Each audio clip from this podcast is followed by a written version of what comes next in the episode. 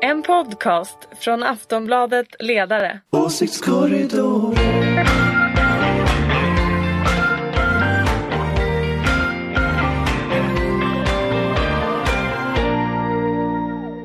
Välkomna till Åsiktskorridoren den här eh, höstgrå veckan där det dessutom är höstlov eller läslov säger de här i Dalarna nu för tiden. Jag vet inte riktigt vad det betyder. Eh, det är precis som det brukar vara. Eh, vi har en panel. Ulrika Schenström, chef för den gröna och liberala tankesmedjan Fores. Så är det. Så är det. Eh, Anders Lindberg. Ja, jag är här. Eh, du är här. Och så har vi Atle. Jajamän. som- Är det första gången du är med i Åsiktskorridoren eller är det bara första gången? Nej, han har varit med en gång tidigare. Ja, En gång tidigare. en gång tidigare. Ja, då var inte jag med. Ehm, det är som sagt en, en lite grå vecka och riksdagen är väl stängd eh, den här veckan. Men det händer politik ändå. Eh, Jag tänkte faktiskt vi skulle börja i en lite speciell eh, del av det här som ligger lite i utkanten av politiken. Den här veckan går ju nu alla, eller de största kollektivavtalen ut så att det, det ska vara färdigt med nya avtal till helgen är det sagt. Och jag tänkte egentligen fråga, ett, en av de saker som har dykt upp där är ju att Kommunal har ställt krav på att få högre löneökningar än alla andra. Eh, kommer det att fungera? Ja, jag tänker alltså i min begränsade kunskap om avtalsrörelsen så tänker jag i alla fall att de har ett ganska bra utgångsläge för att förhandla eh, i och med corona.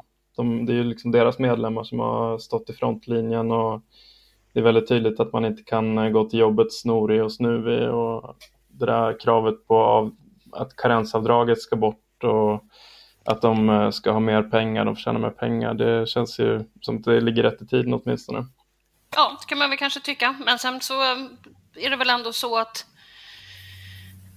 finns väl någon slags... All, alla har väl ställt upp, även om jag, man får eh, ändå säga att eh, just de kanske har stått mera i frontlinjen. Så är det ju. Men som sagt, den som är expert i den här panelen här nu, det är ju egentligen programledaren själv. Så att det är ju nästan som man vill bolla tillbaka till experten. Ja, men det går ju inte an med min roll som oberoende och eh, opartisk ordförande i den här församlingen. Eh, jag tror att det kommer bli att det där är en rysare på riktigt. Eh, därför att det är klart att Eh, just att ställa krav på mer än alla andra eh, är väl ungefär det mest provocerande man kan göra i en avtalsrörelse. Eh, men sen är det ju som ni konstaterar, det är klart att skälet till att man gör det just nu, inte minst, det är förstås att, att det finns en stark opinion för välfärdspersoner som jobbar i välfärden. Men sen, tänker, sen tänker jag också att det, det, Eh, den svenska lönebildningsmodellen bygger ju på att liksom den tunga industrin på något sätt börjar och sätter, ja, sätter dagordningen eller sätter liksom nivån och sen får övriga följa med. Så att det här industriavtalet på något sätt ändå är utgångspunkten. Och det gör ju naturligtvis att kommunalarna kommer ju att få, det kommer ju att vara tufft, alltså när de säger att de ska få mer än andra. Men samtidigt, jag tror ju att om lönebildningsmodellen ska överleva på sikt så måste ju också löner bli jämställda. Man måste ju kunna liksom, ha, ha en, en arbetsmarknad som funkar för både kvinnor och män. Och det, så är det ju inte riktigt idag. Eh, och det är ju klart att, att då, då är det ju kommunal och det är ju handels och det är hotell och restaurang och det är ett antal så här, personer som i de här kvinnodominerade yrkena som helt enkelt är för lågt lönesatta idag. Eh, och det måste ju ändras om det här ska vara hållbart över tid. Så något måste man ju göra.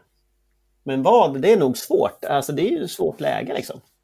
Det är det som på sånt där förhandlarspråk brukar kallas för att ändra det relativa löneläget. Eh, och det är väl ungefär det svåraste man kan ge sig på i den här branschen.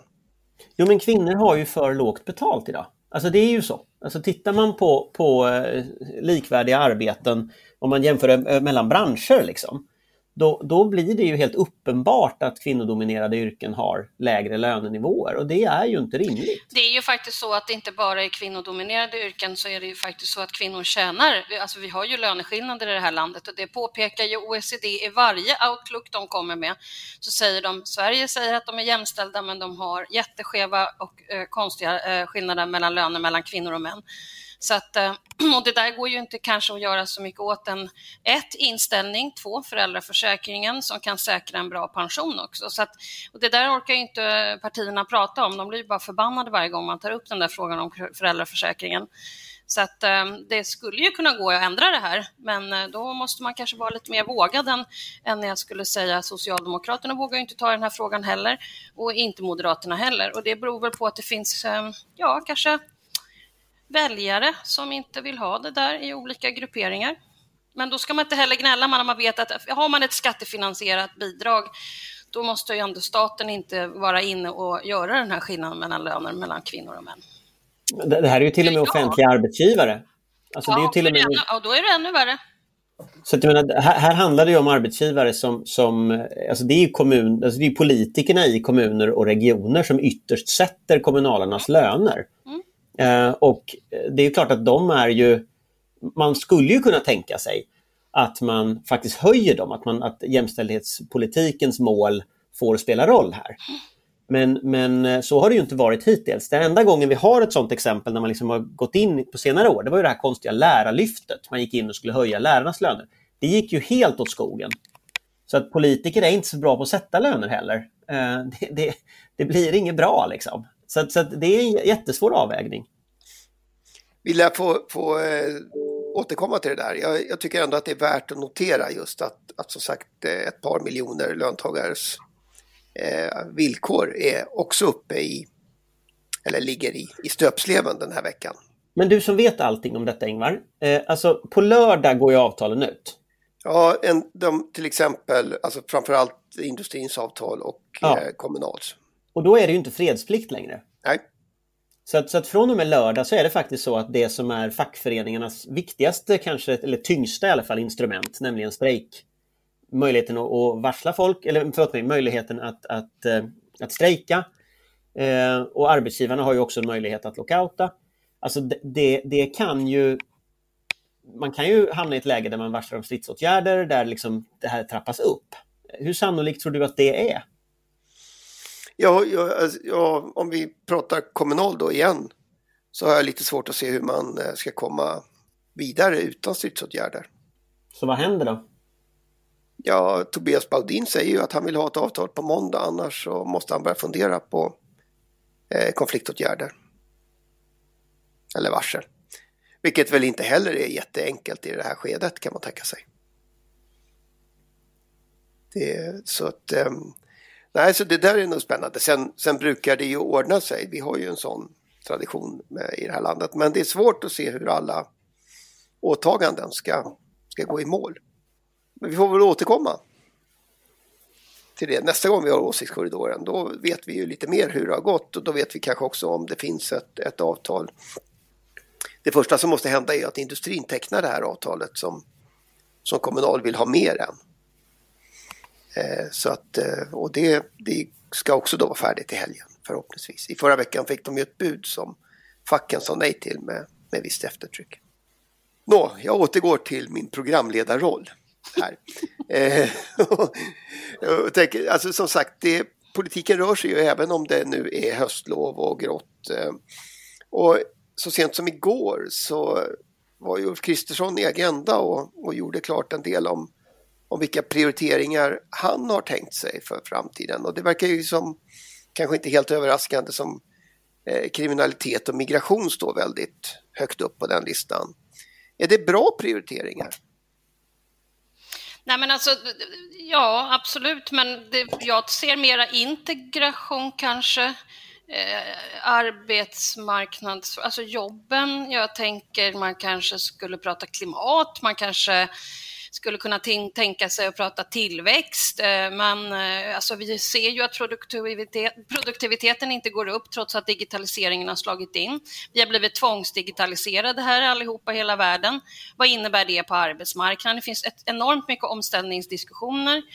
Det, det finns ju hur mycket som helst som måste göras och eh, Sen också den frågan vi faktiskt tog upp alldeles nyss, den är ju mycket större den här frågan kring, kring jämställdhet och, och, kvinnor. Jag menar, det är kvinnor som dominerar högskolor och universitet idag. Vad gör det med, med liksom, um, våra system om det är så att det är kvinnor som kommer att ha de kvalificerade jobben i framtiden? Om det nu är så att det är de som kommer att ha det. Så det, det, finns ju otroligt många saker att ta tag i som framför allt måste börja snickas på nu för att kunna svara på framtidens problem. Och nu har jag säkert glömt någon annan av mina hjärtefrågor, men, men jag tycker att det finns otroligt mycket mer. Integration är ju alltihopa, så att, alltså, jag vet inte var, varför just migration och kriminalitet när vi ju vet att de här två inte riktigt hänger samman. Det, det är ju inte flyktingar som är de här gängen, det är ju tredje generationens invandrare och sådär som inte har kommit in i samhället och det är ju, det är ju jättedåligt och det är ju alla politiker sedan 50-talet som ligger bakom, bär ansvaret för att inte få åka på arbetsmarknaden. Men alltså jag, jag tänker så här att, ja alltså jag tänker så när jag tittar på Agenda att, att det är ju ett, eh, det, det känns ju väldigt torftigt. Eh, alltså det känns ju som att man har tagit den senaste opinionsmätningen eller senaste trenden inom opinionsmätningar och så har man gjort om det till en valstrategi. Mm. Så att man förväntar sig så att säga att väljarna ska rösta på det som de senaste två, tre, fyra, fem åren har varit väljarnas viktigaste frågor, egentligen sedan flyktingkrisen. Mm. Eh, eller i alla fall viktigare än tidigare. Men jag menar, tittar man på ett längre perspektiv, då är ju sjukvården till exempel och skolan traditionellt de frågor som avgör partival och jobben. Och det är klart att, att om, om Moderaterna lämnar walkover i ganska hög utsträckning i frågor om ekonomi och jobb och sådana saker, då tror jag ju att de frågorna kommer tillbaks.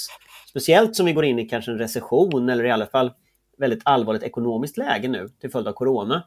Så kommer ju jobbfrågan och tillväxtfrågan att komma upp på dagordningen. Och det var ju Moderaternas paradgren när Ulrika styrde. Eh, yes. idag så Nej men det var ju det, alltså, de snodde ju jobben från sossarna. Ja. Och det gjorde att man vann. Mm -mm. Men, men jag menar, tittar vi idag eh, så, så, lämnar ju Moderaterna på ett sätt den liksom traditionellt hårda politiken, jobb, ekonomi, tillväxt. Den lämnar man ju lite walkover i. Där har man ju ingenting mer än så här något ytterligare jobbskatteavdrag och så. Så att jag, jag tänker att det är en, det är en bakåtblickande strategi som, som Kristersson har eh, påfallande tom på innehåll. Och det, det, det förvånar mig lite faktiskt. Eh, ändå efter sex år i opposition så kan man tycka att man ändå kunde klurat ut någonting mer liksom, eh, än det här igår. Å andra, å andra sidan har väl eh, Socialdemokraterna eh, verkar ju prioritera ungefär samma frågor. Mm, och det verkar som alla har gjort sådana här, ni vet, sådana här Eh, studier genom eh, undersökningsinstitut. Eh, vad är det de kallas? Anders, du har ju hållit på med sånt där också. Vad heter det? Man gör Fokusgrupper? Fokusgrupper eller? som så gör trackings och sånt där. Och ja, för jag, jag, skulle säga, jag skulle säga att, nu, nu, nu, vet jag ju inte hur Moderaterna har gjort den här undersökningen, men jag skulle säga att det här är nog mera kvantitativa mätningar. Att man, man, man har liksom faktiskt haft vanliga opinionsmätningar för jag tror att skulle du gå in i lite mer detaljerad research med liksom fokusgrupper, att du går in i olika väljarsegment av möjliga väljare, då är inte jag alls säker på att det blir så här tomt och platt. Eh, utan utan jag, jag, kan tänka mig alltså att, att sossarna och moderaterna på ett sätt, de hamnar ju på samma slutpunkt så att säga, men det är olika resor dit. Sossarna har haft sex år att rera sönder sig Eh, och har inte särskilt mycket nya idéer. Det brukar man inte ha halvvägs in i andra mandatperioden. Det var ungefär nu som Reinfeldt regerade sönder sig också. Eh, men, men tittar man på framgångsrika regeringar som till exempel S-regeringen eh, me mellan, eh, alltså regeringen Persson till exempel, som, som ju, och, och, och Karlsson, då ser man ju väldigt tydligt att man har en förmåga att hela tiden förnya sig. Att mitt i en mandatperiod komma med nya idéer. Eh, I Perssons fall var det det gröna folkhemmet som liksom revitaliserade politiken. Men, men den typen av idéer saknar vi ju här. Alltså det finns ingenting som liksom ritar om kartan eller ens någon ambition att rita om kartan eh, med de två stora partierna. Och, och det gör ju naturligtvis att, att då, då, fortsätter ju trenderna på något sätt bara rakt fram. Eh, jag hade väl förväntat mig lite att Moderaterna hade en ambition om att rita om, att liksom förändra dagordningen till någonting som, vad vill de liksom? Och det, det, det, det ser vi ju inte. Jag tänker att det är bra prioriteringar på så sätt att det är någonting som ligger nära till hands för många väljare. Eh, det är ju liksom eh, syns ju i media hela tiden att vi har skjutningar och sprängningar. Det har blivit någon slags vardag i storstäderna. Och sen så tror jag också att de kan, eh, de har ganska lätt att angripa sossarna på, på framförallt kriminaliteten Eh, de, sossarna har ju sitt 34-punktsprogram som de tänker att det kommer vara färdigt innan nästa mandatperiod, men effekterna av de åtgärderna kommer inte synas förrän vi är inne i nästa mandatperiod efter valet och det blir väldigt svårt att liksom lyfta fram det som en framgång för eh, Morgan Johansson att vi har minsann gjort alla de här bra åtgärderna. Eh, sen är det ju det, det, måste ju hanteras att det sprängs liksom två sprängningar i Göteborg på en månad utan att man egentligen höjer på ögonbrynen. Men Ulf Kristerssons eh, planer för att, hur det ska hanteras är ju å andra sidan uppåt väggarna. Han vill ju liksom eh, det, det, är ganska tydligt när, när, han pratar om kriminalitet att det, kom, att det är en, ett parti, en partiledare i opposition som pratar när han vill använda den här LVU lagen som ska skydda barn för att markera mot kriminella organisationer eller familjer. Eh, och att han brassar på med förslag om strängare straff som alla andra av andra sidan också gör. Eh, så jag tror att det är en bra prioritering, men han får nog komma med lite mer eh, regeringsdugliga förslag på vad som ska göras åt till exempel gängkriminaliteten tror jag.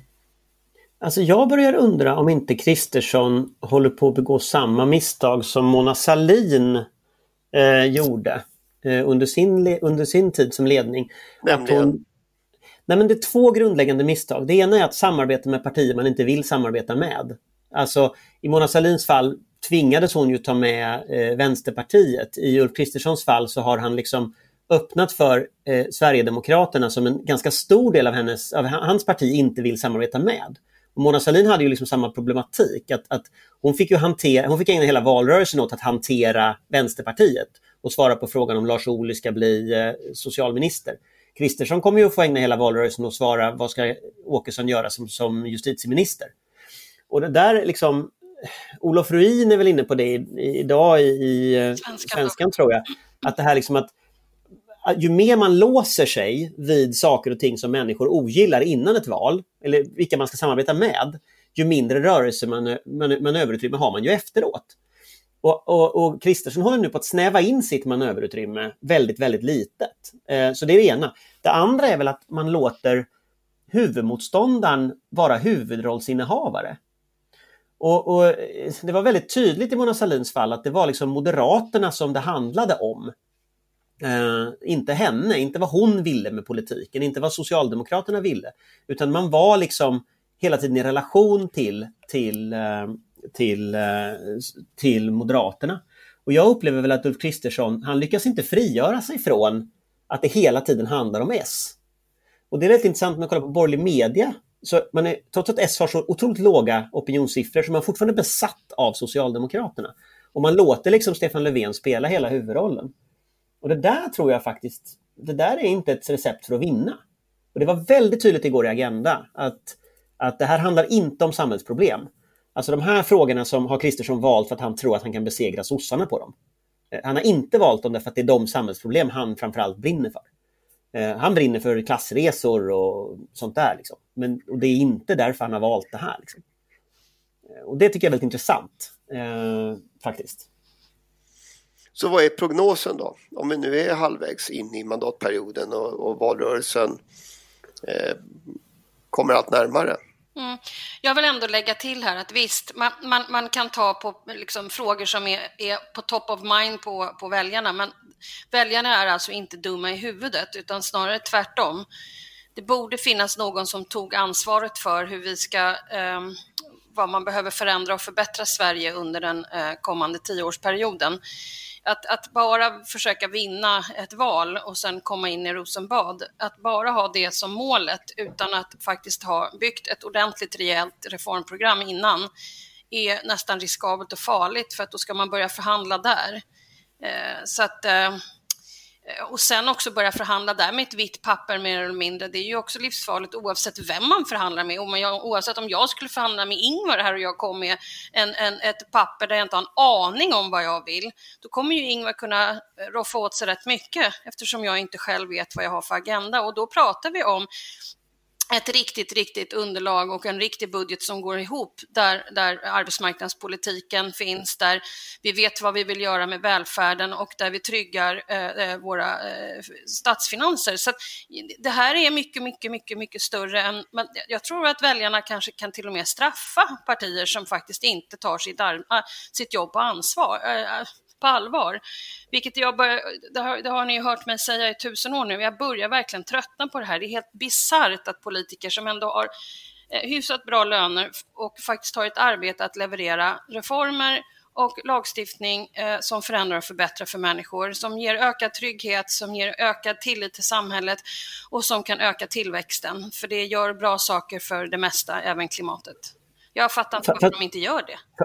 Fast där tänker jag en, en väldigt intressant grej på det du säger nu. Det är att alltså de här traditionella kommandohöjderna, mm. eh, om man ska använda, liksom, eh, om man ska låna eh, det, det, ordet. Mm. Eh, alltså välfärden, jobben, ekonomin.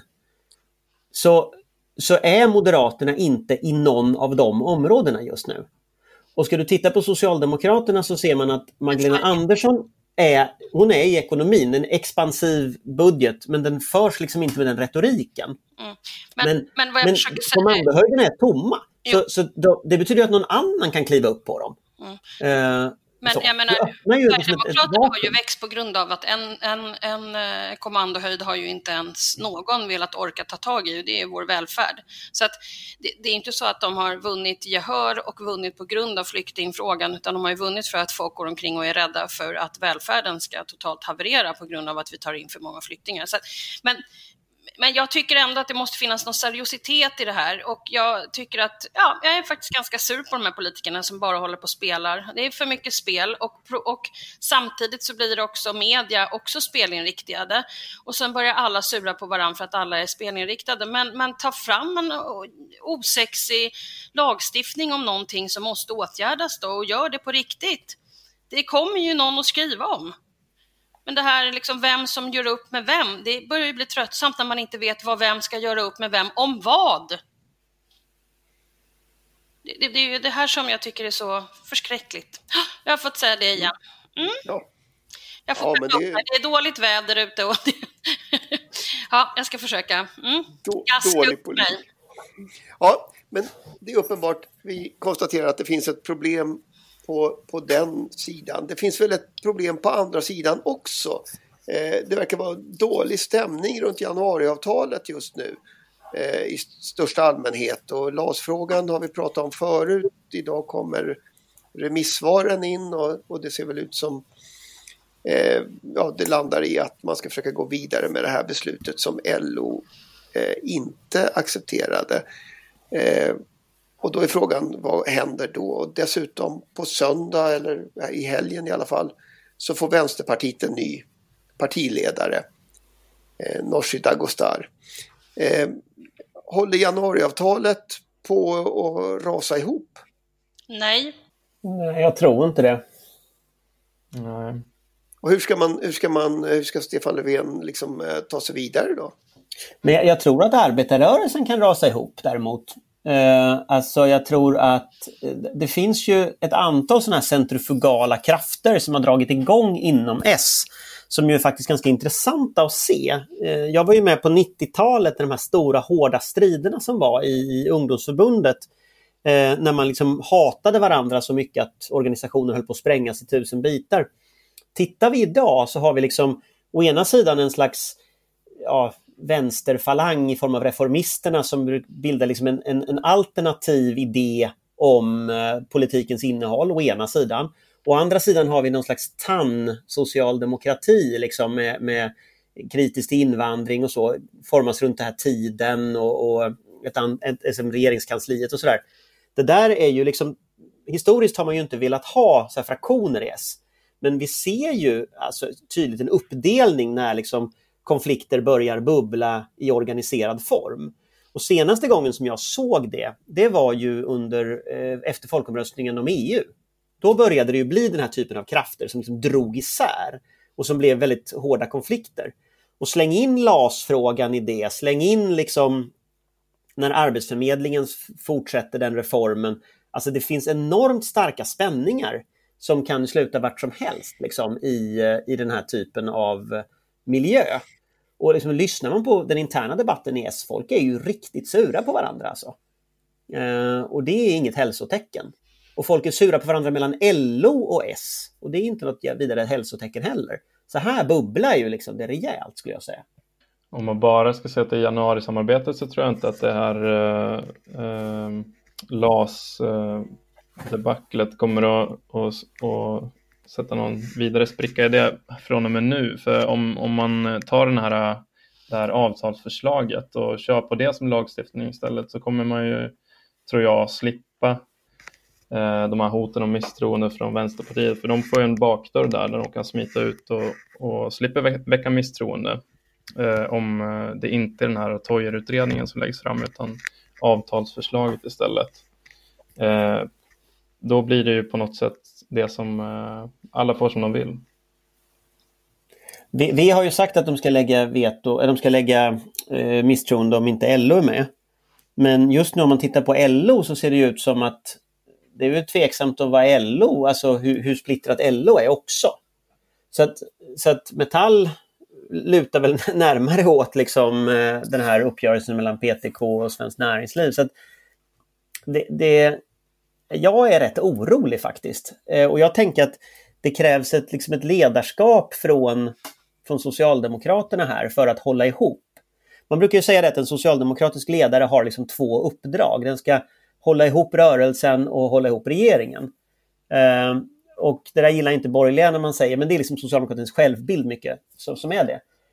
Här lyckas ju Löfven hålla ihop regeringen men kanske på bekostnad av att rörelsen mår rätt dåligt. Och det, det är liksom, där kanske man ska fundera lite mer på att omsorg om, om partiet än, eh, och omsorg om, om LO än, än vad som sker i dagsläget. Och det kan göra mig rätt orolig.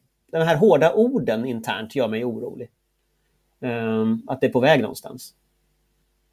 Och du tänker att, att det är någonting vi kommer att se till nästa valrörelse? Alltså jag, jag, jag vet inte om ni kommer ihåg på 90-talet, men då var vi ju i en situation efter budgetomröstningen när LO och S till exempel i vissa kommuner inte gick i samma första maj-tåg. Och, alltså de här gemensamma symbolerna var liksom... Eh, de föll liksom. Och, och, problematiken som S har i dagsläget, den är ju den är väldigt tydlig att, att jag skulle inte tro att S idag är största parti i större delen av LO till exempel. Det är Sverigedemokraterna. Och det är klart att den relationen klarar ju inte hur många smällar som helst. Och en LAS-utredning i det eller LAS-frågan blir ju liksom bränsle i den konflikten. Uh, och, och, jag menar, Toijerutredningen är naturligtvis omöjlig att lägga fram. Men, men även det här Svenskt Näringsliv, PTK, blir knepigt att lägga fram som lagstiftning. Därför att det, ska, det drar igång alla de här processerna.